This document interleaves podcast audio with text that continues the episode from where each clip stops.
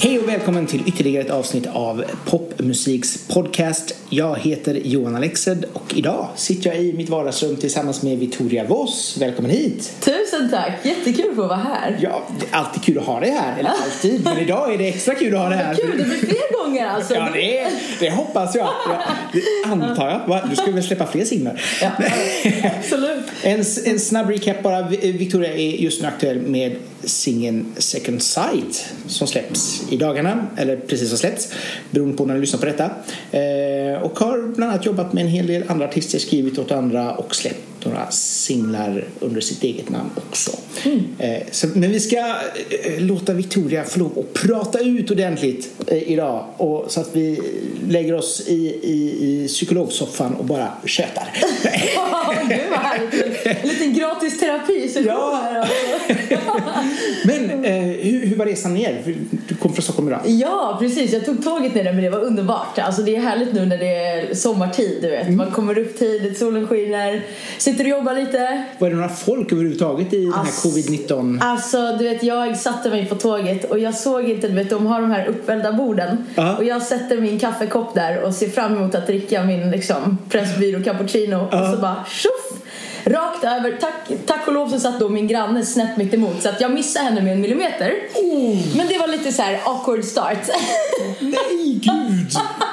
Men resan för, utöver det gick Ja. ganska så bra då. Så att, Skönt. Är det, är det SJ eller var det ja, SJ. MTR? Ja. Mm. Nej det var SJ, SJ eh, regionaltåg. Jag är så himla åksjuk av mig vet du. Så att jag behöver, alltså de här snabbtågen, det går inte. Nej. Nej, för jag försöker passa på du vet, att sitta och jobba lite grann. Ja. Liksom, sitta och skriva. Jag skriver faktiskt en bok just nu. Eh, om så här, hållbar och hälsosam mat för kids. Ja. Så att, eh, och då, du vet när de här snabbtågen kör vet, så jäkla fort. Jag blir ju helt, jag blir så åksjuk. Jaha. Så att eh, De tog jag den långsamma vägen istället. Ja men det är nog klokt för de senaste åren som jag har försökt åka till Stockholm med SJ framförallt. Ja. Som du säger, det går inte. Man ska sitta och läsa någonting och man känner bara hur man får huvudvärk Ja. efter 10 sekunder. Ja, sen- du får också det alltså? Ja, ja. MTR är lite bättre dock. Mm. Eh, De, de går inte lika snabbt. De kanske inte har den här korglutningen som, som SJ har. Men det är verkligen... Ja men precis. Det är den lutningen, precis som du säger liksom och den här supersnabba hastigheten. Man känner att man liksom kastad från höger till vänster liksom. Bara, nej, Nej, det är helt hopplöst. Nej, hopplöst. Ja. Nej, det här var bättre. Ja.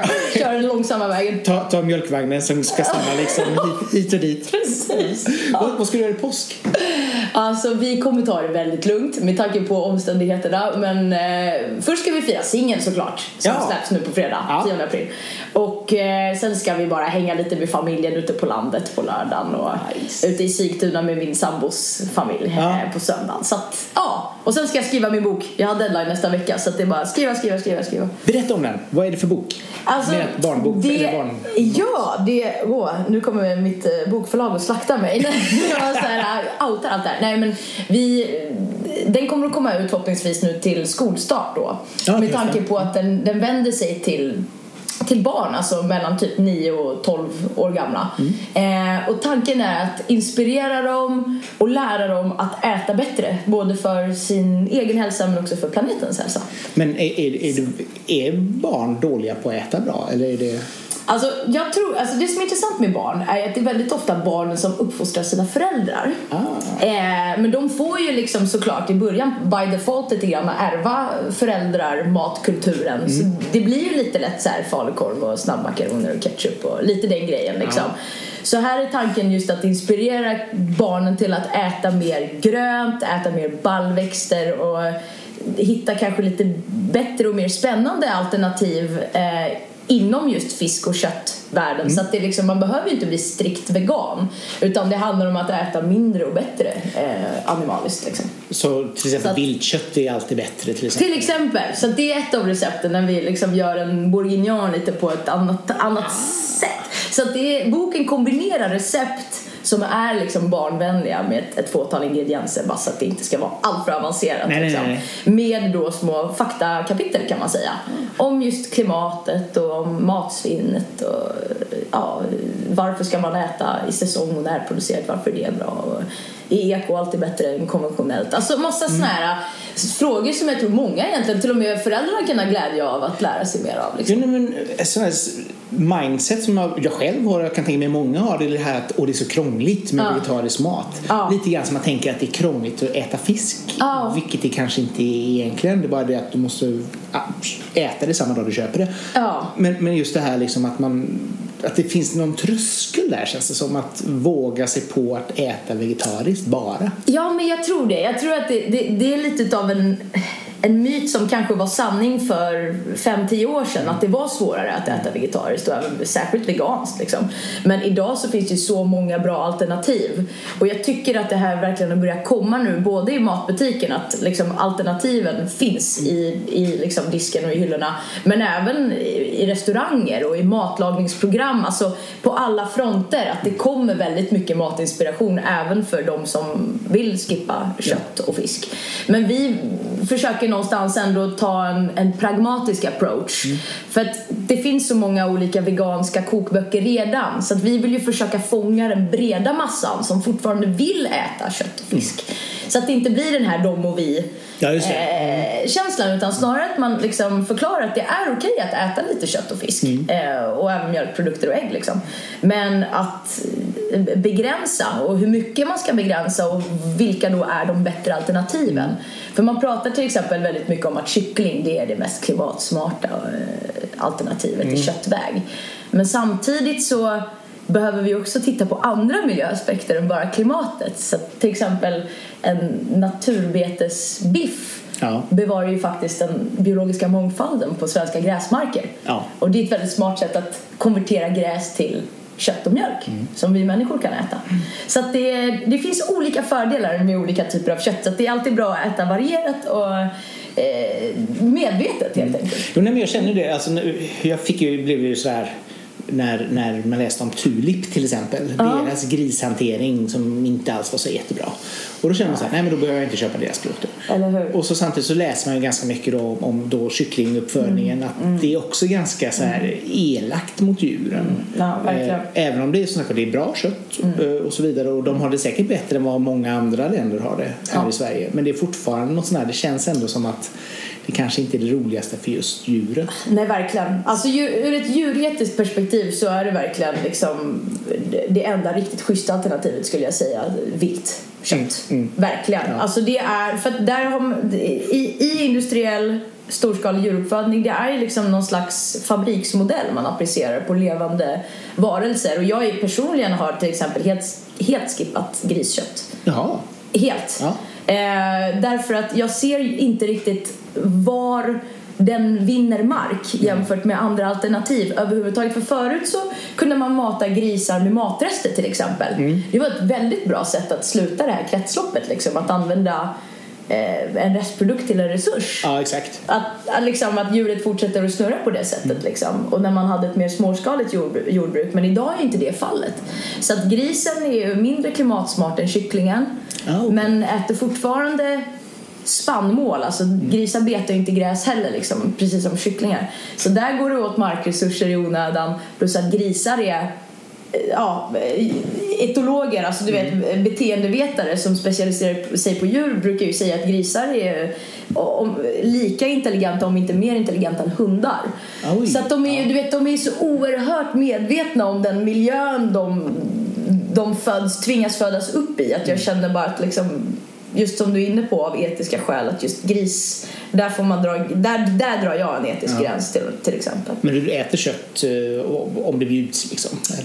Jag äter, nej, utan jag kommer nog snarare äta kött hemma när jag vet vad det är för köttbit. Ah, för då är det bara krav som gäller för mig. Alltså ekologiskt och, och gärna liksom köpa av en gårdsbutik. Mamma bor ute på landet så att vi bru- brukar liksom få eh, liksom fint kött där vi vet att djuren har mått bra. Men, men vi äter väldigt sällan faktiskt, Ja. jag och min sambo. Det är någon gång då och då. Ehm, men det ingår tro- trots allt liksom i en, en hälsosam kost att, att äta äta lite kött och fisk då. Ja, för det behövs väl även de alltså, energierna som finns i, i vanligt kött, liksom, proteiner och så vidare också. Ja, alltså hur, men hur, jo, jag är bara nyfiken. Äter du något kött och fisk? Jag äter kött och Ja, fisk. du äter kött och ja, fisk. men, Ja. ja, men så jag säger så här, det är skönt att man kan vara vegetarian för det betyder att man ändå kan äta bacon.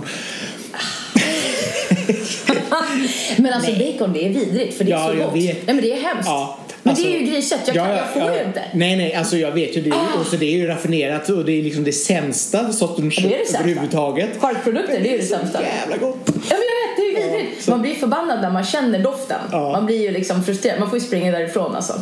Ja. Men, men, nej, men jag tycker ändå så här, för, vad, vad skulle du säga som, som ett förslag eller som råd för folk som gärna skulle tänka sig att äta vegetar, mer vegetariskt? Liksom, finns det några sådana smarta tips eller liksom bara så här, skaffa dig en kokbok och kör? Eller Ja men liksom- alltså, ja dels det, gärna liksom spana, spana efter, vi gav ut en, en, en vuxenupplaga eller vad man kan säga eh, av den här boken redan för ett och ett halvt år sedan. Den heter Eat Good, Ja. recept som förändrar världen. Så där kan man faktiskt kika, där finns det också fakta liksom där vi pratar mycket om det här och recept. Men i allmänhet så en bra tumregel är att liksom tänka att varje måltid, liksom, att du ser tallriken framför dig och att liksom, halva tallriken fylls med frukt och grönt. Eh, och sen så är det så här, på tal om köttet då, att vi i Sverige, i Sverige äter ungefär sju gånger så mycket rött kött som vi bör göra för vår egen hälsa. Ah. Så att liksom skruva ner på köttet och tiodubbla med baljväxter. Alltså bönor och ärtor och linser och så här. Och det låter kanske skittråkigt men det kan man ju ha liksom och göra grytor och soppor av av olika slag eller liksom vegobiffar som är skitgott.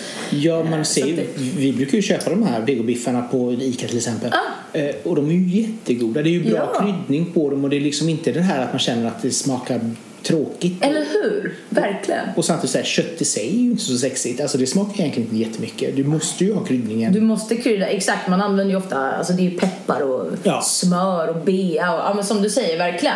Det är kryddan som är, det, som jag tror är nyckeln till all god matlagning. Alltså Ja. det är bara att titta hur, hur, alltså jag tänker på det indiska köket till exempel liksom. Alltså du vet, det är ju mycket vegetariskt där egentligen. Ja, ja, det är nästan... Det är kryddningen som Ja. gör det. Ja, och så du har det här kombinationen av det söta och det, och det hetta. Ja. Liksom. Så det, det är ju väldigt bra. smakkombon. Ja. Ja. men jag tror vi har en hel del att lära oss av det och det är ju kul faktiskt för att eh, i Sverige så känns det ändå som att, att vi har verkligen en, en stark så world food-kultur. Det är ju väldigt mycket liksom, sånt numera. Ja, ja, alltså det har man ju sett bara under de senaste alltså, 30 åren. Det här liksom att med både taco men, hur, hur, hur intressant det är. Nej, men just det här med att det kommer in med asiatisk mat och indisk mat. Alltså, man hela tiden öppnar upp för nya matkulturer. verkligen. Och det känns ändå som att vi, på grund av att vi också är ett folk som reser väldigt mycket, Ja. omfamnar detta. Verkligen, verkligen. Jag tror vi är ganska flexibla rent matkulturmässigt Ja, faktiskt. för men det är väldigt få personer, ja det är min pappa då kanske som är så här liksom, ja nej det vågar jag inte testa. Men alla andra är ju verkligen så här, åh det här måste vi testa. Ja, ja men verkligen. Och det, det där är lite kul för jag tror att man, alltså som vi var inne på tidigare, jag tror att det är lättare när man är liksom, kommer upp i åldern lite grann att man har fastnat i sina gamla vanor. Man liksom kör i samma, i samma spår liksom. Och där är det då gött om barnen som är liksom, de är mycket mer färska och öppna för alternativ och de har ju vuxit upp med de här liksom miljöfrågorna också. Så att det, jag tror att det finns en annan alltså typ av medvetenhet där och flexibilitet eh, och vilja att experimentera. Så därför tycker jag att det är så kul just att vi med det här projektet vänder oss till barn och eh, alltså adresserar dem på ett, på ett vuxet sätt. Det, är liksom, det är den stora utmaningen tycker jag, att skriva något sånt här, att man hittar rätt nivå liksom, så att barnen inte känner sig fördummade men att det samtidigt inte blir liksom jättetekniskt så. Nej men det behöver vara en ögonöppnare kanske bara. Ja. Det, det är ungefär där man behöver lägga det på tror jag. Jag tror också det. Och, och samtidigt också, för jag vet ju det, jag har ju vänner som är veganer och, och hela deras liv går ut på att tala om för folk att de är veganer. Vilket gör att man, det blir en liten backlash på en sån grej. Att man känner bara, men för helvete håll käft liksom. Alltså det här, du behöver inte älta det här utan det är bra, du är vegan. Bra, Ja, det, det, det finns en tendens att det blir ganska aktivistiskt. Ja. Och jag vill inte liksom alltså, kritisera, eh, kritisera det därför jag tror att det bottnar i något väldigt fint i att man är passionerad. Ja. Ofta liksom så är det djuretik som ligger bakom och eh, ja, inte minst miljöaspekten liksom. Eh, och att många upplever sig må bättre. Mm. Så länge man käkar sina B12 liksom, får i sig sitt kosttillskott eller äter berikade frukostfäng eller whatever liksom, att man får i sig den näringen man behöver så kan man ju faktiskt klara sig. Det finns ju forskning som visar det att man, man kan ju klara sig alldeles utmärkt på en vegansk kost så länge man vet man har koll mm. på liksom, att man äter tillräckligt varierat och balanserat och att man får i sig fullvärdigt protein till exempel att man kombinerar liksom eh, spannmål och baljväxter. Det är ett sånt liksom, typiskt. typiskt. Men, så att, men, men problemet som, som du var inne på som jag tycker är så tråkigt är att det just blir lite utav ett krig nästan. Jaha, ja. du äter kött. Eller jaha, varför äter du inte kött? Alltså det är väldigt ja, polariserande det här och det är lite det vi försöker bryta. Att liksom, snälla låt oss alla liksom respektera varandras val. Mm. Det vi kan göra som forskare är att visa det evidensen mm. pekar på och liksom eh, den optimala tallriken för, för både hälsan och miljön så att säga. Mm. Eh, och den kan vara köttfri men den kan också innehålla lite kött. Ja. Och jag tror att, det, jag tror att det, det, är balans, det är lite grann som med alla de här bantningskurerna. Liksom. Det är balansen som är viktig. Ta mindre socker, ta mer grönsaker och, så, och ska du ha socker, ha fruktsocker i så fall då, ja. som du kan få i bananen eller äpplet ja. eller vad det nu må vara. Liksom. Men ma mat är, det är liksom det, det är väldigt identitetsrelaterat så jag tror ja. att det är det också att liksom, det, det kryper nära en när folk ska tycka. Jo men det finns ju de som bara säger ja, men jag måste ha min köttbit. Alltså, jag, alltså när, när Way Out West skulle bli veganskt eller vegetarianskt första året liksom så här. och man bara var folk bara så nej men jag måste få kött, det här går inte. Och då känner man så här, men du, du, klarar dig tre dagar utan att äta kött. Ja, ja, det är det, helt galet. Det är liksom inte det viktigaste i ditt liv och sen kan du äta liksom så här 362 dagar, ät hur mycket kött ja. du vill. Men ja. de där tre dagarna så kan du liksom bara äta falafel då. Ja men verkligen. Ja men verkligen. Men alltså det, man kan ju om man, om man vill försöka sig på att äta mer växtbaserat då kan man ju, det, man kan ju börja med en dag i veckan. Ja. Alltså en middag i veckan.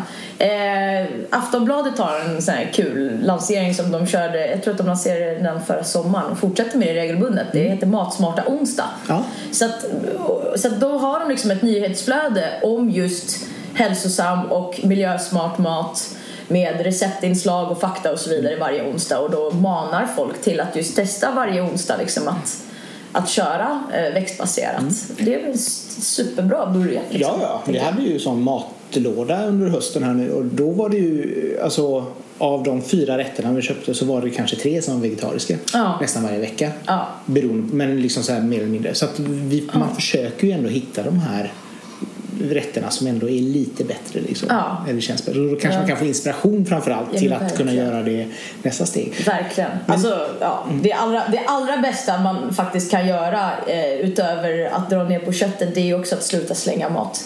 Kan jag tänka. Ja. I, I vår del av världen där det faktiskt är vi i konsumentledet som, som slänger mest. Och det märkte man ju med de här kartongerna att man fick ju exakt så mycket du behövde. Ja. Och det gjorde det ju faktiskt bra. att även om det kanske är en viss fraktkostnad i, i klimatpåverkan men ja. det känns inte som att det är så mycket med tanke på att de kör ut så pass många kartonger per gång. Exakt. Ja, men alltså, just det här med food miles, alltså mattransport. Man tänker att den här liksom, Chiquita-bananen från eh, Latinamerika liksom, att den, eh, den har ju jättehög liksom, mm. Eh, klimatpåverkan men totalt sett så om man liksom sammanfattar hela matsektorns klimatutsläpp så utgör faktiskt transporter inte, inte ens en tiondel av utsläppen.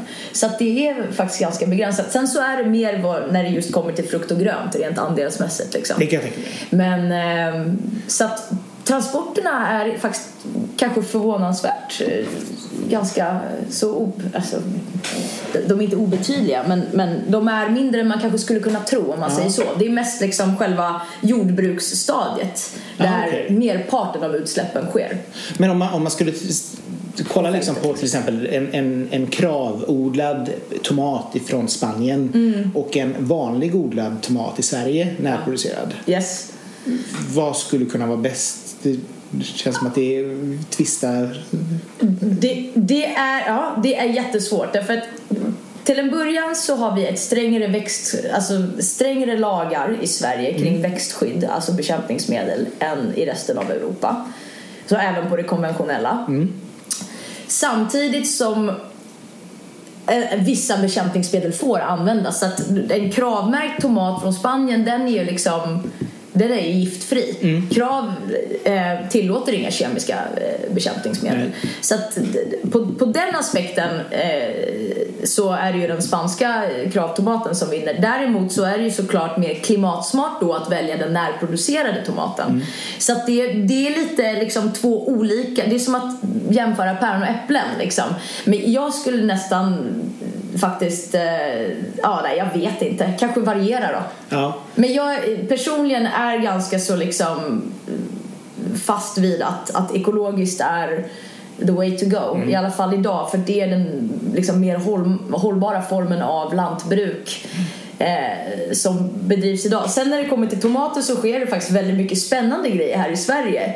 Att man, kan, man odlar allt mer väx, eh, växthusbaserat och växthusen i sig är drivna på fossilfria energislag. Nice. Typ restprodukter från skogsindustrin och sånt. Ja, ja. Så att du, får liksom, du kan få en klimatsmart produktion här i Sverige längre under liksom själva säsongsperioden när man kan odla tomaterna utomhus. Ah. Så det är lite spännande. Ja, och samtidigt så känns det väl också som att visst, är det vinter, ja då är det väl Spanien man behöver köpa. Då kan man ju välja krav. Då är det lika bra att välja krav. Är det sommar så kanske man kan köpa för då finns det ju ändå i och för sig kravodlade även i Sverige. Exakt. Så att, men men eh, det, det är en svår balansgång där, liksom vart man ska vara. För det är ju samma sak med när de säger de här, ja, behöver man ha jordgubbar liksom i december? Nej men precis, verkligen. Nej men alltså verkligen. Alltså jag tänker ju snarare att man kan ta det lite som en utmaning att försöka plugga på liksom naturens egna matklocka eller vad man säger. Eh, och, och lära sig vad som finns i säsong här liksom i termer av nordiska produkter. Det finns ju förvånansvärt mycket alltså. Ja, ja. Vitkål kan man ha mycket som helst. Hur många olika kolsorter som helst alltså. Ja. Så det, ja, jag, jag tror att man ska försöka se det som en utmaning liksom. Att, att, att lära sig det där. Vad, vad finns tillgängligt nu? För det var väl också lite grann det som var förr i tiden när man Ja. hade den här husmanskosten. Då var det liksom så här, ja men nu blir det kåldolmar för nu fanns det kål. Ja, Och är inte nu- det fint? Ja. Jag tycker att det är lite rom... Alltså det finns lite så här nostalgi och nå- något fint i det. Precis som den här känslan av att man har odlat något själv som man sen liksom får Mm, ja. äta av. Det är lite den här att, ja men det var det som fanns i trädgården Ja. liksom, som jag plockade. Lite samma grej här. Det var det som fanns här i Sverige den här tiden på året. Ja. Liksom. Det, lite, det finns en tjusning i det för då får man längta till den här sparrisen på våren. Eller ja, du vet så. Ja.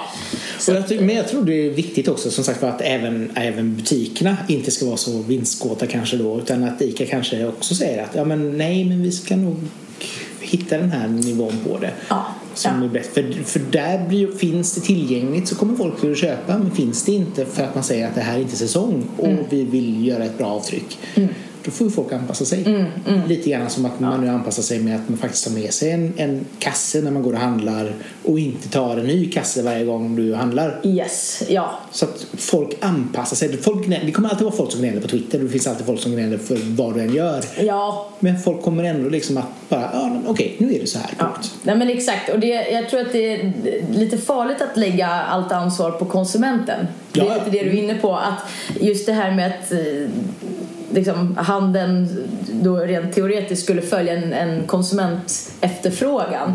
Men handeln har ju ett jätteansvar i att skapa efterfrågan också. Ja. Ja, ja, ja. Eh, och, men det sker ju väldigt mycket där tänker jag i, i dagligvaruhandeln när man faktiskt försöker att tänka på alla de här aspekterna och liksom se över eh, förpackningar, vad för typ av förpackningar och så vidare. Liksom att ha en större andel återvunnet, att liksom produktplacera på ett smartare sätt, alltså något som vi kallar nudging, du vet att det finns små lappar till exempel med vä- välj eko eller Ja. ja, men njut av Sverige på svenska produkter och sådär för att just liksom hjälpa konsumenten att göra rätt. Jo, men det är jätteviktigt. att, eh, För man, man känner sig väldigt lost om man, om, man, om man vill göra rätt. Och så sedan så har man köpt hem någonting som man tänker att det här är bra och så står det någon och bara fast det där, det innehåller ju det här och det här och det här och det är inte... Man bara Ja. okej, förlåt. Ja, Det är så komplext det här med mat. Alltså det, det är lite som det här med halloumi-syndromet. Ja, liksom. Ja. Det, här, Ja. det, det är liksom så här... Ja, fast- Antibiotika. Ja. Mm. Men det, det är lite grann som med... eh, Alltså, även om du har kravmärkt som är en bra beteckning för mat så har du ju också eh, producenter som väljer att inte ha kravmärkt för att det kostar dem ändå en ganska stor summa att Ja. bli kravmärkta. Ja. Men som ändå har uppfyller kraven för att ha kravmärkt. Precis. Kanske till och med bättre än vissa andra. Ja. Och, och det blir också svårt för jag menar, de kan ju liksom inte Jag hjälpte en, en vän med att ta in eh, att sälja choklad och sånt Ja. och Ja. de har ju väldigt mycket det här att de kan ha liksom hur bra ekofarm som helst Ja. men de har inte beteckningen Just det. Just och att förklara det för en person som nitiskt Mm. bara kollar på kravmärkningen och inte förstår helheten det är helt omöjligt Ja, det, det är lite tråkigt faktiskt att, att de kanske är lite mindre gårdarna som inte har den ekonomin liksom, att ansöka om certifieringen faller lite mellan stolarna. ja. Ehm, men då får, får man kanske skapa sig en mer lokal kundkrets som har koll på Jo. hur man... Jag vet inte riktigt hur det ser ut för dem. Ehm, Ja, det här är ju, kan ju Men- vara folk i typ eh, Sydamerika liksom ja, okej. det, är- så det är choklad strictly Ja. liksom. Ja, jo. Så det är lite svårt. Samtidigt så hade det varit käckt om, om det fanns, för jag menar någonstans är ju krav kanske inte vinstdrivande men det är fortfarande ett företag liksom, som sätter det. Och det hade varit käckt om det fanns en EU EU-märkning som verkligen är att ja, det kostar ingenting att ha den. Liksom. Ja, ja, man måste uppfylla de här och sen om man vill ha kontroller så kostar det pengar. Liksom. Ja, ja men exakt. Exakt faktiskt. Att man kanske skulle kunna se över den ekonomiska aspekten liksom, för att göra det mer, mer tillgängligt. Ja, det har du rätt i faktiskt. Tillbaka till boken Ja. lite snabbt innan vi går vidare. Ja. Mycket att prata om. Ja, men det är jättespännande. men, men just det här med att du skriver den för barn eh, och fokuserar på barn. Vad, vad säger du? Det, finns ju många, många, men det finns ju en hel del föräldrar som är veganer eller som har olika dietistprogram som de kör efter som de gärna kopierar över till resten av familjen. Alltså att åh, jag äter LCHF så mina barn ska också äta LCHF fast de kanske behöver ha kolhydraterna och så vidare Ja. i, växt, i växtstadiet liksom. Ja. Vad säger vi om det? Eh, jo, men det, det är väl lite det som är tanken med den här boken också. Att ställa saker och ting till rätta och att anpassa just tallriksmodellen till barn, eller till alla egentligen, så att det inte blir för nischat liksom. Eh, så att, och den forskning vi utgår från är den mest omfattande eh, egentligen sammanställningen av just nutritionsforskning och eh, forskning på eh, matens miljöpåverkan utifrån inte bara klimat men även just det vi var inne på, alltså biologisk mångfald och vatten och näringsämnen och mark, an- markåtgång och så vidare. Och så vidare. Så att eh, vi försöker ha ett mer universellt grepp så att säga och utgå från en en, en kostmodell som, som passar unga som gamla, som passar alla liksom. Bra. Ehm, så att förhoppningsvis, ja, jag, jag, svårt att säga liksom från fall till fall med familjen men jag kan, som sagt jag, jag tror ju att barnen faktiskt bestämmer en hel del hemma själva. Och liksom, tanken är att den här boken ska ju rusta dem med kunskap och olika perspektiv på, på de här frågorna så att de själva kan liksom bättre förstå hur de ska äta för att må bra liksom. Så förhoppningsvis så skapar det lite debatt hemma, det får man ju hoppas att det Ja, rör om i grytan lite grann. Ja, ja, men det, det kan ju vara behövligt i vissa fall. Liksom. Ja visst, ja, men det är svårt för det är, liksom, det är väldigt många som du säger olika typer av liksom, eh, dieter, alltså 5-2, LCHF och paleo diet och eh, hej och hå liksom, till höger och vänster som man hör om i, i, i media liksom, i matmagasin och det, vårt bidrag är ju liksom att vi anpassar fakta och recept efter forskningen, punkt. Inte någon liksom s- något bantningsprogram eller någon specifik sjukdomshistorik för att LCHF är liksom en kostmodell som kan passa eh, vissa personer liksom med, eh, som har risk för specifika sjukdomar och så vidare. Så att här tar vi nog liksom mer utav ett helikopterperspektiv. Mm. Ja, men det är bra. Pratar om en grundkost som, som är sund och hållbar. Liksom. Ja. Passar. Hur, Ja. hur, hur kom intresset för just biologi och miljövetenskap, alltså hela det här fram för dig? Nej men alltså jag, jag är ju uppvuxen ute på landet utanför Vaxholm. Ja. Eh, ute på vischan alltså, du vet. eh, Bland hästar och hundar och katter och allting liksom. Och eh, hjälpte pappa hugga ved på bakgården och Oj. bränna löv på våren och så, så vi, liksom, jag har ju verkligen varit ett naturbarn Mm. alltså sen, sen barnsben så att jag tror att jag har fått det där med mig sen så alltså det var faktiskt ett, lite av ett, ett eh, ett, ett, så här, nyckel, ett moment eller vad man säger, vad säger man? Ett så här, turning point. Ja, ja. eh, när jag var på en utställning med min mormor, då var jag kanske tio eller någonting sånt. Ehm, och ehm, det var en utställning vi eh, Nybrokajen på, eh, om Arktis och Ah, om ja. förändringarna i Arktis liksom, och djurlivet där och smältande isar och så, och så vidare. Och det kommer jag ihåg att, en fotoutställning då. Mm. Och jag kommer ihåg att det, det varit verkligen någonting som bara slog mig. Att jag tänkte, vad, vad, vad håller vi på med? Så att sen så liksom nördade jag ju in mig i det här riktigt, riktigt hårt liksom och bestämde mig där någonstans ganska tidigt att det är med såna här frågor jag vill eh, jobba. Mm. Innan så var jag inne på att jag skulle bli veterinär. Alltså vet, så här, klassisk, Ah, ah, ah, ah. Klassisk småflicksdrömmen liksom. Jag ska bli veterinär. veterinär och frisör och ja, nej herregud. Nej men så att eh, Nej men så det var nog det egentligen som, som gjorde att jag kände att nej, men jag vill dra mitt strå till stacken liksom, och försöka hjälpa hjälpa en krisande planet typ. Så att, eh, då bestämde jag mig faktiskt för att eh, åka ner till England och plugga därför att dels därför att de har liksom Europas bästa universitet och sen där, också därför att min pappa som är fransman eh, och bodde i Paris han liksom var så himla envis över att jag skulle liksom åka ner dit och plugga Ah. så att jag skulle vara nära honom och mamma bara nej stanna i Stockholm det är mycket bättre här och du vet så här, värsta kriget dem emellan så jag tänkte nu, nu hittar jag någon så här neutral mark Ja, så, ja, ja. så jag åker till London istället och eh, jag hade min bästa kompis eh, också som, som bodde där på den tiden och eh, han peppade mig verkligen till att, till att söka där så när jag kom in så vart jag så här, nej men vad fasen nu, Vi kör. vi kör på det här ja. Och framförallt så är det bara Eurostar däremellan så är det ju Paris eller tvärtom. Ja, Så att det är ju liksom snabbt. Inte så farligt. De får komma till mig istället. Hur var det att plugga i, i Storbritannien? Ja, alltså det var magiskt. Alltså verkligen. Det var, jag tycker engelsmän är ett sånt varmt och trevligt folk i allmänhet. Du Vet, så här, jag, skulle, jag skulle flytta in där i min, mitt lilla studentrum först och alla möbler och grejer och alla bara You're right, you're right. och det är liksom, jag fattar ingenting. Vad det, så här, ser det ut som att jag inte mår bra? Eller vad, vad menar de? Men det är typ så här, bara ett sätt att fråga hur är läget? Ja, ja, ja. det fattar inte jag. jag bara, vad är det? Nej, men så här, alla, alla, alltså verkligen varit, vi, vi blev ett väldigt tight kompisgäng där i min eh, biologiklass eh, som, som hjälpte varandra och, och liksom tenta plugga och så vidare. Och, ja, men det, alltså, och det, min kandidat gjorde jag ju i London, sen läste jag min, min master i Oxford. Men Ja. jag bodde ju i London i tre och ett halvt år och alltså, det är så mycket kultur där, på tal om musik och allting. Alltså det var ju Uteliv och teater och allting. Gud vad vi höll på där och flängde på allt möjligt alltså. Det är Väldigt billig stad att bo i också. ah, jättebilligt, jättebilligt! Så billigt att bo och åka tub. Det är liksom bara man tittar på, på liksom eh, tunnelbanetrappan så kostar det 100 spänn. Nej, men det, är så här, nej, det, är vi, det, är, det är vidrigt dyrt alltså. Det är tur att man som svensk får, har CSN faktiskt. Ja, ja. Studielån alltså. För det är verkligen helt vansinnigt liksom. Så Ja, att det det kan är bli...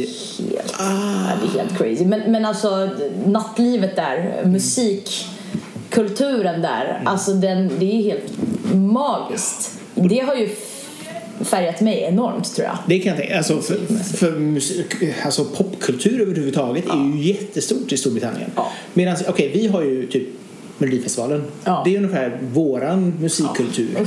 Och lite till kanske. Men, men just det här liksom, det är det som samlar oss. Medan där är det liksom så här så mycket i DNA hos Ja. alla. Exakt. Alltså va- varenda människa kan liksom säga fem Queen-låtar Ja, och verkligen. gärna en Take That-låt och liksom hej. Verkligen. Men det är riktigt artisteri på något vis känns det som. Alltså det finns eh, stor musikalitet. Ja. Många, många artister är ju liksom multiinstrumentalister också. De spelar ju, spelar ju fler instrument och liksom skriver själva. Och det, ja, det, de har en, en lite annorlunda take tror jag på, på artisteri och musik. Som du säger att det, det är inte liksom allt är inte centrerat runt en plattform. Nej. Som vi har med Mello i Sverige liksom. Ehm, vilket är världens härligaste folkfest. Men det är lite tråkigt att Mm. alla liksom då bara sprintar för att höras och synas där. Mm, ja. Och kanske inte då helt får göra sin grej och liksom uh, först upptäcka vem är jag som artist och liksom bygga en hållbar fanbase liksom. jag det- är någonting verkligen äkta och intimt och ja. Men man märker ju att det är väldigt många både skivbolag och artister som verkligen står och faller med Melodifestivalen. ja. Vilket är lite synd. För det är ju liksom så här. Någonstans måste man ju också kunna se att man ska ha, som du säger, någonting på utsidan Melodifestivalbubblan också. Även om jag tycker det är jätteroligt och, och det kommer väldigt mycket bra musik där. Men man märker ju liksom att det är ju väldigt många artister som släpper sin låt och så blir det en hit och så försöker de släppa något annat så händer det inte så mycket och så Ja. tar det två år så måste de vara med i Melodifestivalen igen för att de ska boosta sig. Ja, sätt, liksom. men det är ofta tror jag tyvärr på grund av att det blir den enda strategin. Ja. Och att det inte finns så mycket annat som backar liksom. Ehm, Skivbolagen är lata. så det, ja men lite, lite så kanske. Mm. Eh, och även som artist tror jag att det är lätt att man tänker att yes, nu får jag höras och synas här. Det här kommer bli min ticket to Ja, ja, success. ja. Du vet, så här. Och sen nästa låt bara, vad fan hände där? Eh, så jag tror att det är viktigt att liksom tänka på att vara relevant liksom, i massa olika lägen på olika plattformar. Liksom, att vara ute och gigga liksom, och bygga, bygga en publik och liksom, verkligen alltså bara göra bra musik, Mm. släppa regelbundet. Det är någonting som jag, alltså så här, hade jag fått välja då hade jag släppt varje vecka. Det är så här, det är så kul att släppa musik. Jag Det- fattar inte varför, det är väldigt många som väntar jättelänge mellan S- låtarna. Samtidigt, samtidigt så där handlar det ju väldigt mycket om, det, det har man ju läst och pratat med artister om det här liksom att de hamnar i någon form av skivbolagsväntrum. Jo. Liksom så här, nej vi kan inte släppa nu, vi måste vänta för nu kommer snart sommaren och då är det det här och så ska vi pl- planera att träffa, släppa det då och sen Mm. bara Melodifestivalen och så, alltså, och vissa artister kan ju inte ha två år utan att de kan släppa någonting fast de har hur mycket material som helst Ja. för att de ligger lite grann på fel skivbolag. Ja, jo men precis. Det tror jag det finns en kanske lite så risk för att overstrategisa ibland Ja. när det gäller sådana grejer. Ehm, jag tror att det hade varit bra att bygga in lite mer flexibilitet Ja. eh, i branschen. Typ så att okej, här har vi en låt som kanske inte är världens dunderbanger, men den är bra. Ja. Och eh, ja, tills då nästa stora milstolpe kommer, varför inte då dra ut den här låten Ja. som ändå ligger? Vi kanske inte behöver satsa lika hårt och lika mycket pengar då om det är det det handlar om. Men liksom, låt oss släppa någonting så att vi håller igång. Liksom. Ja, och det räcker ju liksom att släppa någonting i kvartalet kanske. Alltså det räcker med en singel bara för att visa att man finns och att man bygger upp varumärket. Exakt. För just nu så är det liksom bara så här, en låt klarar sig en vecka tills nästa New Music Ja. Friday kommer, tyvärr. Jag tror att det är det, just på tal om det här med liksom att det, det är svårt det här med liksom att man fått ett uppsving i Mello och så vidare och kunna hålla, hålla sig vid liv. Det är väl det, alltså det känner jag själv också att det är. Jag tycker att det är svårt som artist att liksom hitta det här unika som ska göra att folk vill lyssna på dig. Eh, bra. Vad, är, vad är din USP? Nej, men jag, det är något jag funderar jättemycket på just nu. Alltså jag tror att, men dels det jag försöker göra nu med att liksom gifta ihop mitt miljöengagemang och liksom allt det jag gör där med, med liksom böcker och media och tv-program.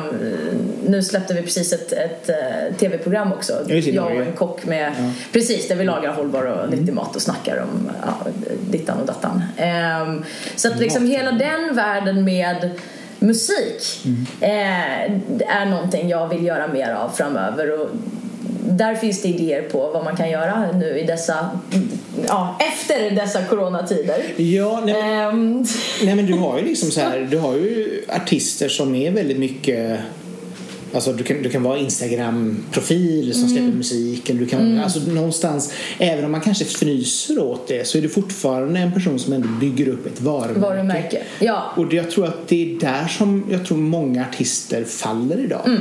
För man är inte, man är bara låten i, i spellistan Precis. och man är inte liksom Kalle Karlsson-artisten Ja. eller Stina Ekblad-artisten. Ja men precis, och vad, vem är personen bakom? Vad står den personen för och så vidare. Så att jag vill nog, precis, jag vill nog att man ska veta vem jag är som person. Och just det här med mitt miljöengagemang, det är lite så, jag tänker Beyoncé har ju liksom verkligen profilerat sig med, med sitt liksom Black Lives Ja, ja, ja. engagemang och mm, det finns många artister som är, alltså Sara Larsson med feminismfrågan liksom f- min variant är då liksom det här med, med miljö och Hållbarhet. mat typ. Ja. och hållbarhet. Exakt, och det trivs jag jättebra med för det är jag liksom. Sen så kommer inte jag liksom sitta och skriva massa så här, miljölåtar, alltså inte så. Men, Kumbaya, men, jag, ja. nej, precis, men jag, jag kombinerar gärna de här två forumen för jag tycker att det är intressant. Jag tycker liksom att det, det, det finns någonting, någonting intressant med att liksom ha de här två eh, olika benen att stå på. Eh, och sen så personligen så ser jag verkligen fram emot att kunna liksom bygga eh, mig själv som liveartist mer också framöver. För jag, jag är ju liksom skolad pianist och så här, jag hade min teater och musikallärare var gift med min pianolärare. Aha. Så att det var liksom så här, jag höll på jättemycket med det när jag var liten och jag har inte giggat så jättemycket liksom på, på sistone och det är något jag verkligen vill göra liksom. Sitta bakom pianot eller så här, plocka upp gitarren och liksom ut och turnera. För du har ju även visat liksom så här, många av dina låtar är ju ändå så här dansanta R&B pop åt det hållet men du har ju även lagt upp några akustiska covers i och för sig men det är fortfarande liksom så här som får visa fram din röst mer känns det som. Verkligen. Och det är också bra, tror jag. har jag ett gäng låtar eh, som är i den, i den världen faktiskt Mm. eh, på lager som jag faktiskt längtar efter att få släppa just för att visa den mer musikaliska sidan hos mig och den kanske lite mer sårbara sidan hos mig också. Ehm, det, jag har en låt som jag hoppas blir nästa singel ef- efter den här då. Ja. Som är Ja, alltså väldigt personlig. Jag, kan, jag brukar visa liksom så här, mamma eh, all musik men den, alltså jag kan inte visa henne den låten. Oj! Nej. Hon kommer ändå få höra den när den väl släpps men ja. Ja, gud, alltså jag blir typ så här. ah, alltså tänka på det. Nej men verkligen, det är oerhört eh, personligt och så, här, så det är inte någonting jag riktigt har gjort förut och, men jag tror att jag är redo att göra det nu. På vilket sätt är den personen? Eh, den är personlig därför att eh, jag tror att Nej men det, det är lite som, den är skriven lite som en, en, en egen dagbok kan man säga Ah, om mig själv. Och det handlar om att eh, någonting jag strugglar med väldigt mycket vilket är att jag eh, ofta, nu blir det väldigt djupt det här men jag vill ofta vara alla till lags och inte vara eh, en belastning för folk. Så att jag brukar vara lite du vet så här skadskjutna eh, vargen liksom springer tillbaka in i lyan och liksom slickar sina sår själv. Eh, och jag tror att folk, särskilt då min mor, kan uppfatta det som att jag är kall. Fastän jag istället bara försöker liksom skydda mig och ja men precis så att det liksom att man, man kanske tolkas på fel sätt. Även om det är, alltså det är egentligen mitt eget fel så. Så att det, mm, låten handlar om det. Har du svårt att visa känslor? Eh, kan ha, beroende på. Gråter till film? Ja, gud ja. Gud ja. Men Ja men du verkligen, du är ju typ skitröd när Ja. du pratar om det här. Ja. Nej, jag tror, inte, jag tror inte det. Det är bara alltså så här, i vissa sammanhang med vissa, alltså med mamma så har jag svårt. Ah, okej. Det är säkert med henne jag har svårt för det. För att vi, vi har gått igenom lite så här, eh, jobbiga saker i de familjen som har gjort att eh, Nej men under, under några kritiska år där under tonåren så har det varit jag som har behövt liksom vara den starka och bära fanan och sådär. Och eh, jag tror att det sitter kvar tyvärr. Gamla mönster. Ja, okej. Eh, men allmänt så eh, tror jag att jag är väldigt extrovert. men just de, de här djupaste Ja. sakerna inne hos mig har jag nog svårare att eh, prata om. Då skriver jag hellre musik om det. Jo, men det är väl också en skyddsmekanism kanske som vare sig man vill ha det eller inte. Liksom, att man Ja. någonstans försöker hitta vart är jag själv bekväm med att ja, visa mig själv sårbar liksom, eller Exakt. vad det nu må vara. Liksom. exakt. Det är, men jag jobbar på det. För jag, man vet ju själv med liksom ens andra närstående liksom, att det är väldigt fint att få vara den som tar emot sårbarhet hos en annan person. Att, man, att man är så förtrodd. Exakt, att man blir förtrodd. Ja, att ta emot det. Det är jätteviktigt. liksom. Det är så oerhört fint. Det finns något oerhört fint i det. Ehm, och så det är så konstigt när man flippar på det och liksom ser utifrån sitt egna perspektiv att man skulle vara någon slags börda eller typ ja, men du vet, så här, tråkig eller någonting. För att man själv tänker ju aldrig så när man får ta emot den där sårbarheten hos en annan person. Liksom. Så att Ja, det, det där är någonting jag eh, försöker jobba på ganska mycket hos mig själv. Må, många promenader kanske? Ja, ja, gud, det är jättehärligt. Jo, men det jag vet ju själv också det, det här man, man, man grunnar över någonting och så behöver man ta liksom den här timmespromenaden och lyssna på musik och bara rensa skallen Ja. och få vara för sig själv. Liksom. Ja, verkligen. Och när musik kan plocka fram sådana känslor så är det är helt fantastiskt. Så att det är lite mer åt det hållet jag tror att jag eh, vill vara musikmässigt. I alla fall under en period, liksom, två, ett, ett par, tre låtar. Liksom, I alla fall få visa den sidan hos mig. För sen så älskar jag ju också liksom, musik som är röj och som, ja men du vet såhär få, ja men bara bjuda på, bjuda på en fest liksom. Eller nå- en sån här fet känsla. Ja, men det är ju liksom så här approved by Hardwell liksom. Så här, du har ju, Ja. De låtarna du har varit med på där har ju verkligen varit med på många av hans samlingar liksom. Ja, Det är jätteroligt. Det är galet faktiskt. Ja. Ja. men det, jag är väldigt mångsidig med min musik. Jag tror att det är lite så här låtskrivarsyndromet också. Man är van vid att äh, man har skrivit till liksom allt ifrån Samir och Viktor till Sofia Karlberg som gör liksom väldigt eh, djup så här, experimentell pop. Alltså det är, så att, det är skitkul. Samtidigt som man måste ha den här igenkänningsfaktorn som artist. Liksom, att det kan inte spreta allt för mycket. Liksom. Nej, det är sant. Så. att det inte blir för galet liksom. Hur kom musiken in i ditt liv överhuvudtaget? Eh, gammelmormors piano. Ah, Ja, yes. Nej, men så att, eh, det fick ju mamma ärva då. Så att vi har alltid haft det sen jag var bebis. Oj, så, ja. jag, så fort jag kunde liksom kravla upp på stolen där så satt jag bara banka på, på. Alltså, så här, det finns gamla VHS-videos på mig. Alltså det låter för jävligt. Och mamma kommer och ska liksom så här, snällt försöka visa mig typ ett C-ackord. Och jag bara nej! Det är så här det ska vara! Nej herregud. Nej, men så att, eh, nej, så jag, jag satt och plingade där och ja, men, halvt självlärd typ tills jag blev Tills jag fyllde fem, sex där någonstans och då började jag ta pianolektioner. ah okej. Och sen, eh, sen så när vi flyttade till Frankrike då, när jag var åtta så började jag gå teater då hos min eh, pianolärares fru och vi gjorde musikal och allt möjligt sånt. Så att, eh, det, det var ungefär, ja, ja men det har varit hela, hela barndomen egentligen i lite Men olika former. var det liksom den här normala klassiska pianobiten eller var det mer pop? Nej, nej, nej. Ja, tack för att du frågar, för det är faktiskt en viktig grej. Det känns som att alla som är klassiskt skolade har hatat musik efter det. Eller Jaha. många i alla fall vänner som du vet så här, var tvingade att spela klassiska stycken Ja. och typ helt tappade lusten liksom. Ah. Ehm, så jag är sjukt tacksam för att min, min pianolärare var eh, väldigt modern. Alltså jag fick ju typ spela eh, Elton John liksom och The Beatles och eh, det var bara pop. Ja, ja. Och sen lärde han mig, alltså han var ju ingen bra sångcoach så egentligen men det var inte det han var där för heller egentligen. Men han, han lärde mig att kompa mig eh, på pianot med sång. Eh, för det, och liksom lite halvt så här improv-aktigt liksom. Att så fort du kan ackorden och liksom du kan köra den på alla oktaver på pianot så kan du liksom lägga till små coola färgningar och eh, ja, men alltså vända på ackorden och så vidare. Så han visade mig alla de där tricken så att jag sen bara kunde gå loss. Ehm, det är jag sjukt tacksam för, för det är väldigt användbart. Det kan jag tänka mig in, inom poparrangemang och skriva själv och så vidare. Liksom. Enormt lärorikt. Alltså enormt. Nej. Verkligen. Vi hade ju en lista på fem artister, eller förlåt, fem album och låtar. Ja, just det. Som vi tänkte vi ska gå igenom så att vi får lite, lite koll på vad, eh, vart du kommer ifrån musikmässigt. Alltså det var världens jobbigaste uppgift. Jag var så här, hur ska jag kunna plocka ut fem så här, topplåtar eller album? Det är omöjligt.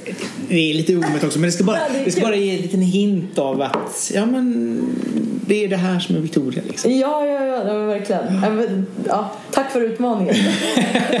Men vi kan börja, vi börjar och kör igenom och så ser vi vad, vad vi hamnar. Låt oss. Låt oss. Ska jag rabbla? Du kan rabbla och så kan vi diskutera inför, inför varje... Okej. Varje rabbel. Jag har var, på varje rabbel. Okej, rabbel nummer ett då. Det är Céline Dion. Eh, du. Det är hennes, eh, jag tror att det var hennes debutalbum. Men det var i alla fall det albumet hon släppte på, helt på franska. Ja. Eh, Var det de franska rötterna? Ja, gud ja. Ja. Eh, det var det, verkligen. Det albumet tror jag släpptes faktiskt innan vi flyttade till Frankrike men mina föräldrar försökte ju verkligen Alltså, du vet, få mig att bada i den franska kulturen hemma så mycket som möjligt liksom, så att jag skulle kunna alltså, vara fullt tvåspråkig liksom, Du från fick början. bygga din giljotin och så vidare. Ja. Som man ska göra. Precis, bygga giljotin. Vad sjuk du är. Vad sjukt. ja, alltså det hade min far varit fullt kapabel till. Han är sjuk i huvudet. Han är liksom den mest, största vandrande franska klyschan du kan tänka dig. Oj, basker och... Vin och kvinnor och baguette och ja, men, nej. Ja, ba- basken också ibland alltså. Cigarr eller cigarett. Alltså. Ja, ja, ja, back in the days kanske. Ja, nu har han kanske... Han rökte sån här Gauloise utan Ah. filter. Oj! Det är han skitstolt över. Han Hardcore. tycker att det är skitcoolt. Ja, ja. För mig är det Gauloise som filter. Så- ja, nej. nej, men så det var... Eh, du vet, på den tiden när det var CD-skivor som gällde. Ja. Det var ju liksom precious när man kunde öppna liksom, och bläddra där i texten och grejer. Eh, då fick jag det albumet av mina föräldrar så satt jag och alltså, bara lyssnade sönder. Jag tyckte bara det var så jäkla bra. Och hon har ju sån galet häftig röst. Ja, liksom. helt magiskt liksom. Bara det, hur- ja, ändå också Eurovision-vinnare, bara en sån sak. Ja, gud ja. Och det här var ju innan hon blev stor internationellt. Ja. Det är ju det, innan hon började köra de här engelska grejerna. Ehm, det blev ju en helt annan spin på hennes musik efter det. Men vet, har du lyssnat på den här, det här franska albumet? Ja, ja, ja. ja. Vad tycker du? Ja, det är jättebra. Alltså inledningslåten som jag inte ens kommer till att försöka uttala för jag kan inte i och med att jag är skuld på franska men den stora hitten. Ja. Eh, vad den Pour que tu m'aimes encore. Ja, eh, är ju fantastisk liksom. Ja. Och samtidigt så här, hon har ju en, det är ju också så här Christina and Queens har du Oh? Ja. oh, oh my god. Fantastisk. Eh, också, också så roligt liksom. När man lyssnar igenom hennes engelska del på senaste albumet. Och så känner man så här att ja, det här är jättebra melodier men jag förstår aldrig vad hon sjunger för att hon har så konstig engelska. Ah. Och så man, och så, så, så, så satt jag så här ah, Synd att hon inte sjung, spelar in detta på franska. Ja. Och så blir det franska sen efter halva tiden. Liksom, Yes. Så kommer skivan igen fast på franska och bara Okej nu, förstår jag inte, nu förstår jag inte vad hon säger men det låter så jävla mycket bättre. Ja, exakt. Och det är liksom så här, och det är ju samma som med Céline Dion att, att man behöver kanske inte förstå henne för att Nej. hennes röst är så magisk. Eller hur? Men verkligen. Plus att man, man märker när man, en artist är i sitt element. Ja. Och liksom man, man hör ju på uttrycket.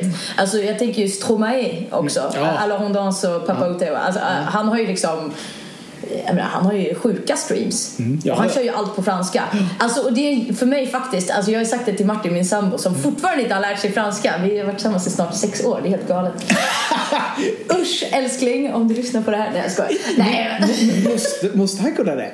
Ja, han måste, han måste kunna det. Därför att alltså, franska det är så mycket mer ett språk. Grejen är den att det är lite så här, the ticket till en kultur. Ja, Fransoser är väldigt språkbundna. Alltså det är väldigt mycket specifika uttryck och grejer som inte riktigt går att översätta på samma sätt. Så att det är svårare för en fransos, alltså typ ett franskt kompisgäng det kommer in en svenne liksom och då switcha till engelska Ja. och umgås på engelska då för att liksom anpassa språket. Det blir en helt annan vibe Ja. än om du skulle be ett gäng svenskar när det kommer in en fransos att switcha till engelska. Jag tror att vi svenskar har väldigt lätt för att switcha över till engelska och kanske inte känner att det påverkar stämningen eller sättet att, som vi umgås på lika mycket. Men just franskan alltså som språk, alltså det, är, det är en annan grej helt enkelt. Så att det, ja, det tror jag du har väldigt rätt i det du säger att liksom man eh, behöver kanske inte alltid bli förstådd. Det räcker med att man förmedlar den här känslan. Ja, Liksom. jag tror det är jätteviktigt liksom. Ja. Så och I hennes fall liksom. Men sen har hon ju lyckats. Hon har ju lyckats ganska bra efter det. Ja, det har hon. men, ja. Nej, men jag är lite extra kär i hennes Ja. eh, fra, franska album måste jag säga. Det, ja, det är något lite charmigt med det. det men det kan, kan ha att göra med att det var liksom fortfarande då man hade henne lite för sig själv. Ja, alltså, du vet, innan hon blev sådär jätte, jättestor. Innan Titanic Så. kom och förstörde allt. Ja, precis. ja, exakt. Ja, verkligen. Nummer två på listan. Ja. Ja, alltså nu hoppar vi ganska brutalt här. Men det var ju meningen. Ja. Eh, Eminem. The Marshall Mathers. Vad var det med den som fastnade? Det är ju det här albumet med eh, Stan och The Real Slim Shady och alla de här. Alltså gud vad jag lyssnade sönder på det där. Eh, nej men det, det var när man liksom var... Jag, det kom när jag var typ 11-12 tror jag och då var ju det så ballt liksom. Med en, alltså en, en aggressiv vit amerikansk rappare som har liksom tusen olika röstlägen från så här till mm. Alltså du vet så här, hur han liksom leker med sin röst och, och alltså jag tror att för mig så har det att göra med att jag är så fascinerad över rytm. Det, där, Ah, okej, ja. det är det jag älskar med Ed Sheeran idag till exempel. Han implementerar det också i sina poplåtar att det är väldigt rappigt. Alltså han använder sig av toplinen, alltså melodierna typ perkussivt liksom. Nästan som en, nästan som en trumma typ så här. ehm, men, liksom, ja, Eminem är ju mästare på det.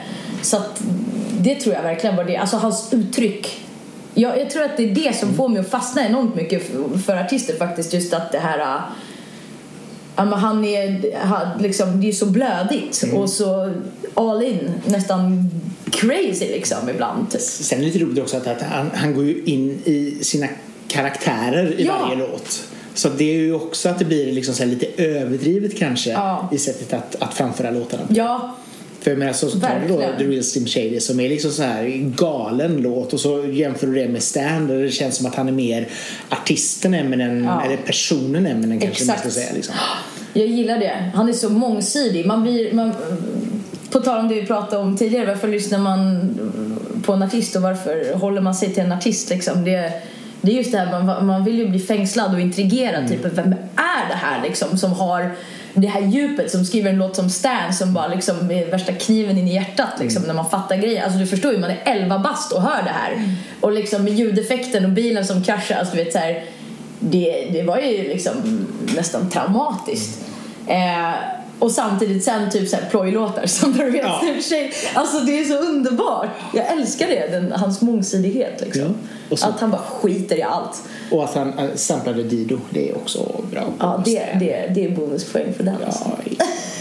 Vi, forts- vi håller oss på början på 2000-talet och går till nummer tre. Ja, ja men alltså jag, precis, jag gjorde det här nästan lite kronologiskt faktiskt. Ja, ja jag såg listan. det när jag gick igenom den. Så att det, Eh, ja men Blink 182 Alltså deras samlingsalbum där Alltså shit det är...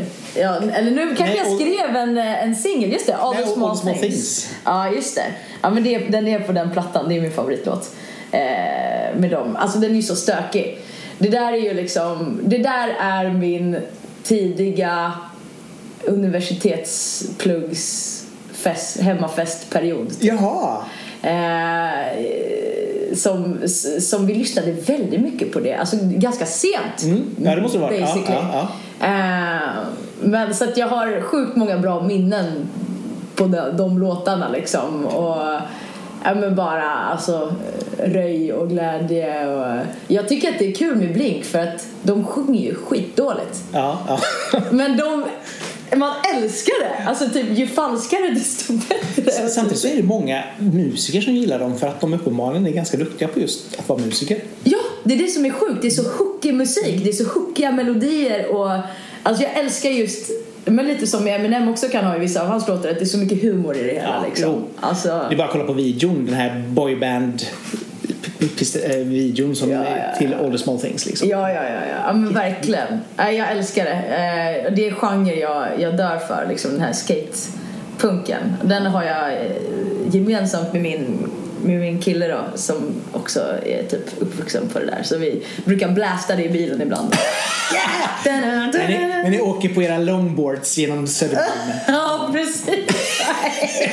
Exakt. Varje söndag.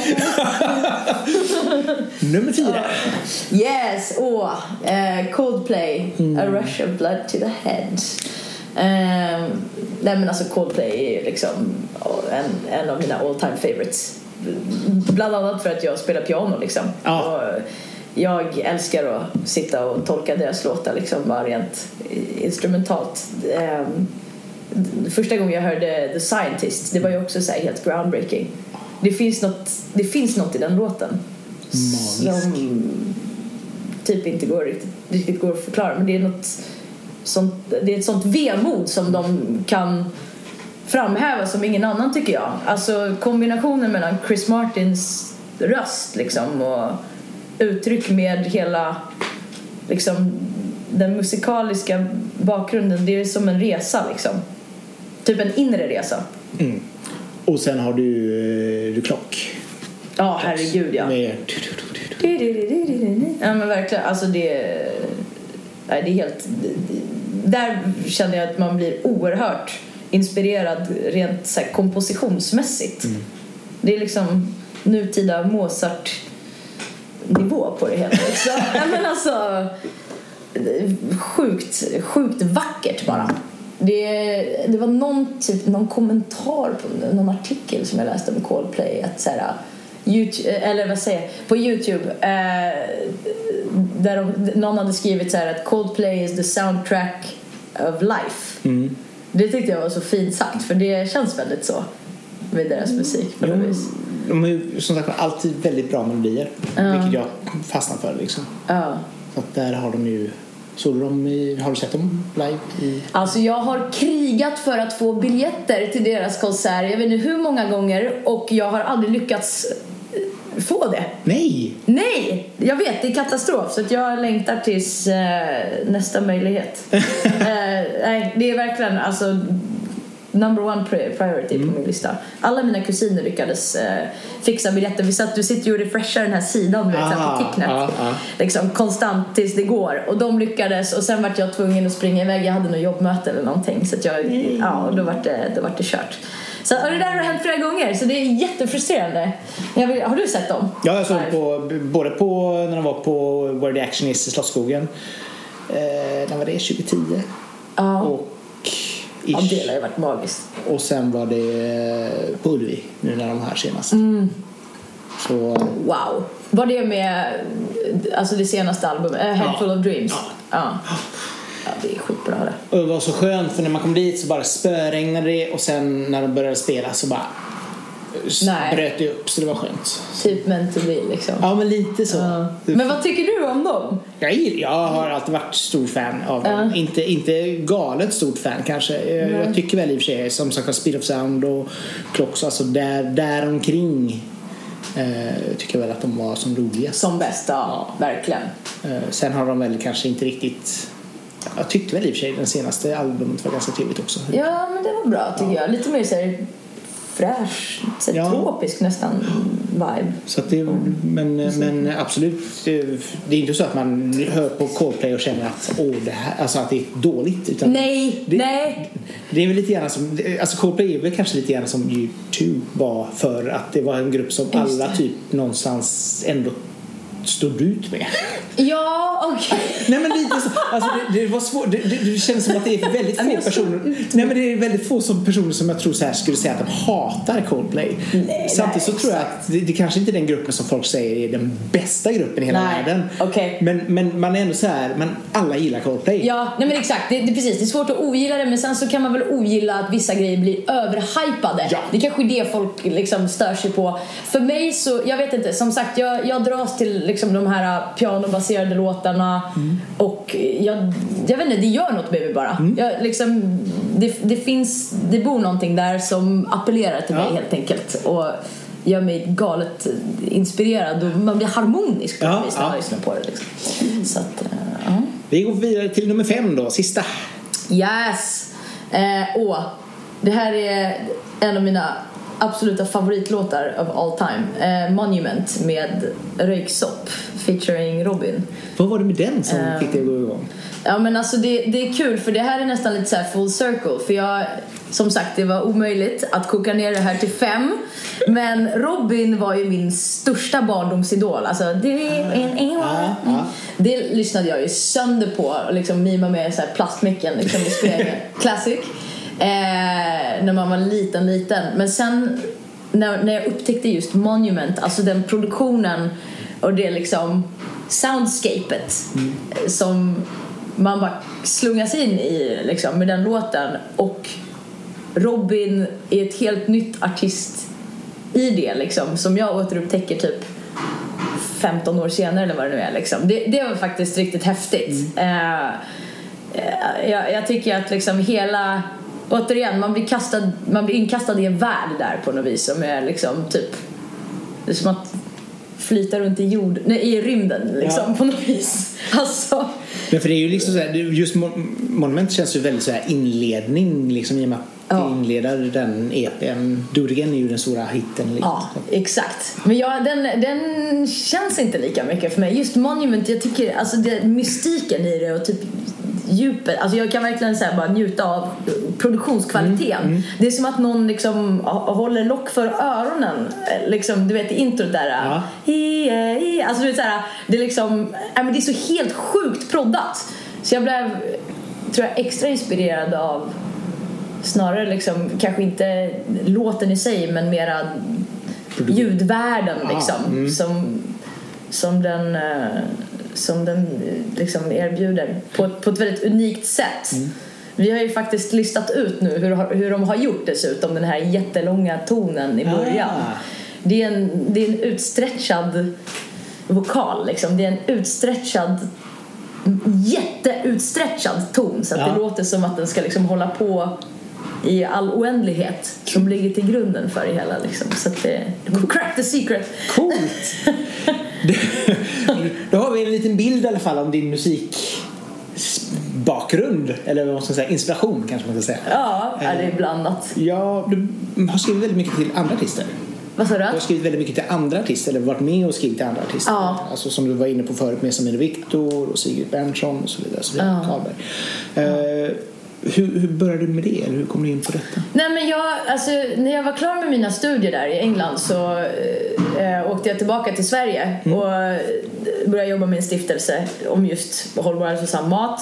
Och i ungefär samma veva så träffade jag Martin, min kille då, som liksom har sjungit och spelat i punkband och funkband och allt möjligt sånt och liksom prodda och pluggade då på SAE Ja. till just alltså, musikproduktion och ljudteknik och sånt. Och eh, jag hade liksom lagt min musik lite på is kan man säga un- under den perioden därför att det var fullt fokus på mitt, mitt plugg och alltså allt det akademiska eh, just då. Men han liksom väckte liv i det där. och liksom eh, sa det, men eh, ska du inte söka då? De har ju en songwriting eh, också på SAE. Så här. Jag bara, fasen det är klart jag ska det. jag var så här, ja men du vet jag älskar att bara hoppa på en massa så här sjuka grejer. Men eh, det var kvällskurser så jag kunde ändå kombinera det med jobbet så det funkade ju liksom. Eh, och SAE var ju fantastiskt på det sättet att du har ju liksom dina lärare och mentorer, de, det är ju folk som är verksamma i branschen. Så att det, det är ju verkligen en, en grym entrébiljett liksom in.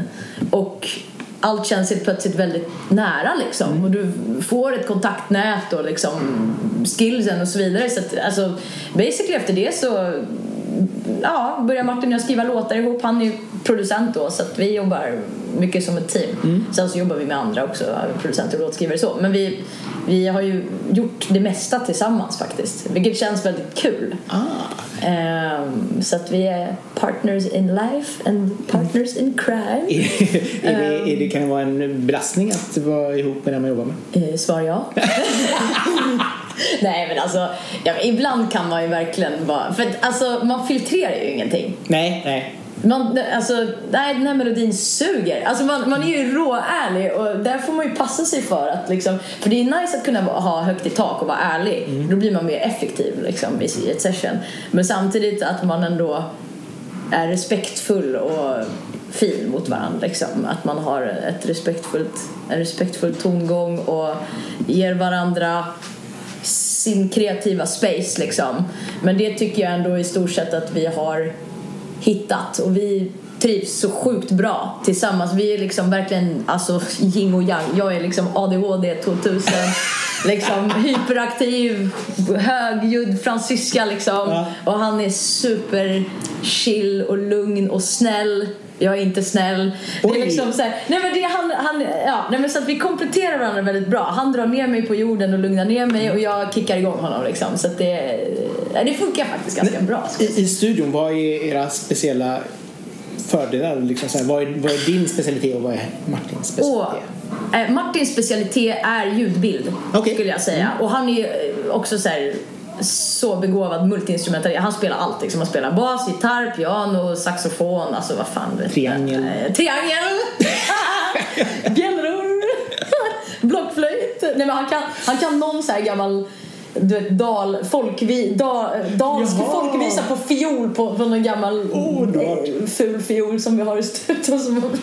Nej men så han, är, han är väldigt duktig musiker och, och väldigt duktig producent liksom på liksom, ele- elektroniska element också. Så att han brukar ju liksom sitta och eh, bygga lite av en ljudvärld medan jag med liksom artisten vi jobbar med då f- jag brukar tycka att det är kul att börja med ett koncept alltså att man vet vad det är man ska skriva om Mm, ja. jag är väldigt textdriven personligen jag vet att det inte är så jättemånga som brukar vara utan att man det klassiska är att man skriver en melodi först och sen så, skriver, så liksom textar man på det Eh, jag brukar behöva ett koncept jag brukar behöva veta vart vi är på väg för att kunna hitta melodier som passar konceptet Ja. eller det sätter mig på någon slags liksom kreativ stig. Ja. Förstår du hur jag menar? Det, så jag brukar faktiskt texta samtidigt som jag skriver melodier. För att text för mig ger liksom typ färg till melodierna. Så att utan text på en melodi kan jag inte riktigt höra om melodin är bra till och med. Ja, okej. Nästan. Oj. Det är Men jättekonstigt. behöver det vara liksom någon text som säger någonting eller är det liksom så här... Nej, det måste vara en text som säger något. Måste det vara. Ja, okej. Så att ah, eh, det är typ parallellkörning Ja, på ja. text och melodiskriveri. Det kommer typ samtidigt, Mm. ish. Så du är inte sån som skriver ner massor med så här fraser som folk säger liksom så här åh det där var bra, det ska jag använda låt. Jo, Det gjorde du också? Ja. Jo, gud ja, absolut. Jag, jo, absolut. jag har en sån textbank. Men Ja. sen så brukar jag tycka att det är fint att låta artisten få berätta vad hen vill prata om. Mm. Så att det börjar med att liksom, de får snacka ur sig och säger de något som jag uh, känner att ah, det där var nice. Då skriver jag ner det liksom Ah. eh, under tiden och sen så bara ner med massa idéer och då kommer det melodier liksom. Mm. Så att, eh, och då har Martin redan byggt en prov så att det är perfekt. ja. Så då är det, den biten klar liksom. ja men exakt. Du, Ja. du började väldigt mycket också med eh, att som sagt var, var gästsångare på en del låtar innan du började släppa eget. Ja, Eh, hur kom du in på det? Liksom? För det är ändå så ganska intressant. Alltså, du jobbar med eh, Underline och, Rich Edwards och så vidare. Mm. Så, att, Hur kom du in på detta? ja men verkligen. Det kommer två till features nu faktiskt i vår. Ehm, ganska tätt inpå här. Nej men alltså, jag vet faktiskt inte riktigt. Lite halvt random. Jag har fått det, alltså Rich Edwards var via mitt gamla förlag. Jag trodde att han var holländare faktiskt. Tills jag insåg att han är svensk. Så vi hade en sån session i höstas. Eh, och han kom till vår studio. Det var så konstigt för då var det så här, då hade vi redan släppt en låt ihop och aldrig träffats. Nej, vad roligt. Ja, och så såg jag honom på en gemensam så här, kontakts Instagram och, och då pratade han svenska. Jag bara, va? Men är han svensk? Du så här. jag måste kontakta honom. Så, så, så släppte vi Burst då, den Ja, här låten. Så vi har släppt två låtar ihop. Och eh, med Underline så var det ju med att vi goda vänner. Vi pluggade på SAI tillsammans och kände att det vore kul att göra en låt ihop liksom. Ah, ja. Men jag är alltid så här, jag har alltid tyckt att med musik så ska det vara fritt. Mm. Det är liksom, jag har så svårt för det här att "Nej, men det är inte med släppa den där feet, det är inte bra för det. Men, herregud, jag har massvis med egna liksom, Mm. sologrejer också. Det är, jag gillar att musik är liksom det finns en samarbetsanda i det för det uppstår alltid intressanta saker musikmässigt när man gör en collab. Mm. För då så här, smälter min kreativitet ihop med en annan persons kreativitet eller sound eller så. Så att, Och, och sen blir det Ja. också det här också att söker man på ditt namn så får man ju inte upp två låtar utan du får ju upp ganska många låtar. ja, nej men exakt. Det, det ger ju exponering. Ja. Det gör ju det. Så det finns ju en... Och det gör ju också Så kanske att de som tycker liksom att och EDM är det bästa som finns så kanske Mm. hittar dig på det sättet också. Liksom, Exakt. Att, Åh, det, här, men det här måste jag lyssna på. Nej men exakt. Jag gillar det. Att man inte begränsar sig själv i onödan. Utan att man kan få vara lite bred och fri. Ehm, och det tror jag faktiskt hittills har varit en fördel för mig musikmässigt att jag har haft mitt andra yrke som en stabilitet. Så att musik har alltid fått, fått vara kul för mig. Det- Jag har aldrig varit tvingad att skriva med någon för att tjäna pengar eller liksom tänka bara strategi eller så med musik utan det är verkligen så här glädjen som, som är det som driver mig med musiken och eh, det ska jag försöka se till att det alltid får vara för att det är så jag vill ha det. Ja, men det är, och det är ju det det ska vara. Alltså, det är Ja. viktigt också. Så Ja. annars, så, annars får du sitta där och traggla fyrelis och bara tycka det är tråkigt. Ja men eller hur. Det, det känns lite sådär. Nej, men, så att, nej, men jag, jag, jag tycker bara det är väldigt glädjefyllt att få släppa musik med andra och göra musik med, med andra. Ehm, så att, eh, och som sagt, då får man hoppa in i lite olika genrer och sådär och möta en annan typ av publik. Så jag- ser att det finns ganska många olika fördelar med det. Ja, ja. Vad, vad- är viktigast i samarbetet? Till exempel både om du ska göra en featuring eller också om du ska skriva för någon. Är det liksom personkemin eller är det liksom att ni har någonting att förmedla som är viktigt? Eller? Jag, brukar, jag, jag tror faktiskt att det är personkemin som det grundar sig i. För då brukar man hitta... Klickar man bra, då brukar man nog hitta någon, någon typ av, av liksom story eller eh, ett sound som man verkligen så går igång på eh, gemensamt. Det tycker jag man märker väldigt snabbt i studion om det klickar eller inte. Liksom. Ehm, för, det mesta lyckligtvis så gör det det. Men sen ibland när det inte gör det, då är det, ah, det är så svårt tycker jag. För då sitter man där och försöker liksom så här, kasta spaghetti på väggen som sen bara ramlar ner. Alltså det finns inget som fastnar och man bara sitter där och svettar ut sig kreativitet som man känner att det, det tas inte emot. Det är liksom så här, no signal! Alltså så här, men samtidigt när det, när, när det funkar då är det så här, ah, gud det är så magiskt för då är det som att man hoppar liksom på en trampolin. Du vet, så här, Ja. man båda liksom studsar på varandra med massa idéer och då brukar saker och ting hända väldigt snabbt också. Alltså låt kan, kan komma till väldigt snabbt. Ja. Så att, eh, och det, så var det faktiskt när jag började jobba med Joakim Molitor nu som har proddat min kommande singel. Ja. Ehm, och vi har en till låt på G sen. eh, så så att, eh, det är jättekul. Så Hur träffades ni? exempel. Det är Instagram. så, ja, Det är liksom så här Tinder för musiker, Instagram. Liksom. exakt. Jag likar dig och så bara, ja, ska vi jobba ihop? Ska Ja, precis. Jag gillar din musik. Ah, jag gillar också din musik. Fan vad kul. Ja, nej men, ja, men det var verkligen så. Alltså du vet så här, ändå musik eh, Sverige är väl relativt litet ändå. Så Ja. jag ha- hade massa liksom, gemensamma kontakter. Så vi började följa varandra och så var det så här, ja men jag gillar det du gör, fan vad bra. Så, Ja detsamma. Ja men vi borde skriva ihop någon gång. Ja det borde vi så här. Och så blev det aldrig av. Eh, men sen så hade, hörde Jocke av sig till mig med liksom en, en konkret ett konkret projekt då. Vilket var det här eh, att göra ett soundtrack till SVT-serien Eagles Ja. nya säsong. Och eh, han hade fått lite av en, en lead, liksom besk- en beskrivning eh, av vad det ska handla om. Och det var lite kul faktiskt att skriva en text som handlar om två filmkaraktärer. Ja. Och deras relation, liksom, det var ju en riktig utmaning. För dessutom skulle det vara invecklat för att liksom, i storyn så är det den här killen Ludde som, som hjälper eh, karaktären Ami att skriva den här låten. Men han hämtar egentligen inspiration till texten Eh, han skriver om sitt ex Ja, som han fortfarande ja. är kär i. Men hon den här Ami då, som ska sjunga låten, hon är kär i den här Ludde och hon tror att Ludde skriver om henne. Ah. Och, och liksom, så man får den här briefen man bara okej fasen, okej jag ska skriva det här alright eh, på ett tillräckligt luddigt sätt så att hon ska tro att den och bla, vet du, som att den sett säsongen. Eh, det, det var lite av en utmaning men, men väldigt kul. Nej. Eh, så, att han, så att han kontaktade mig då Joakim och bara ah, vill du skriva den här låten med mig? Så gjorde vi det. Så det, och sen blev det fler låtar även Ja. efter det. Ja, Gud, Ja, det är ju en sån här R&B popballad-ish. Ja men typ. Ja. Eh, nästan lite så här. Lite filmisk. Ja men lite filmisk, lite touch av Molly Sandén Ja, ja, sound kanske. ja, så. faktiskt. Ehm, så att ja, verkligen. Lite precis.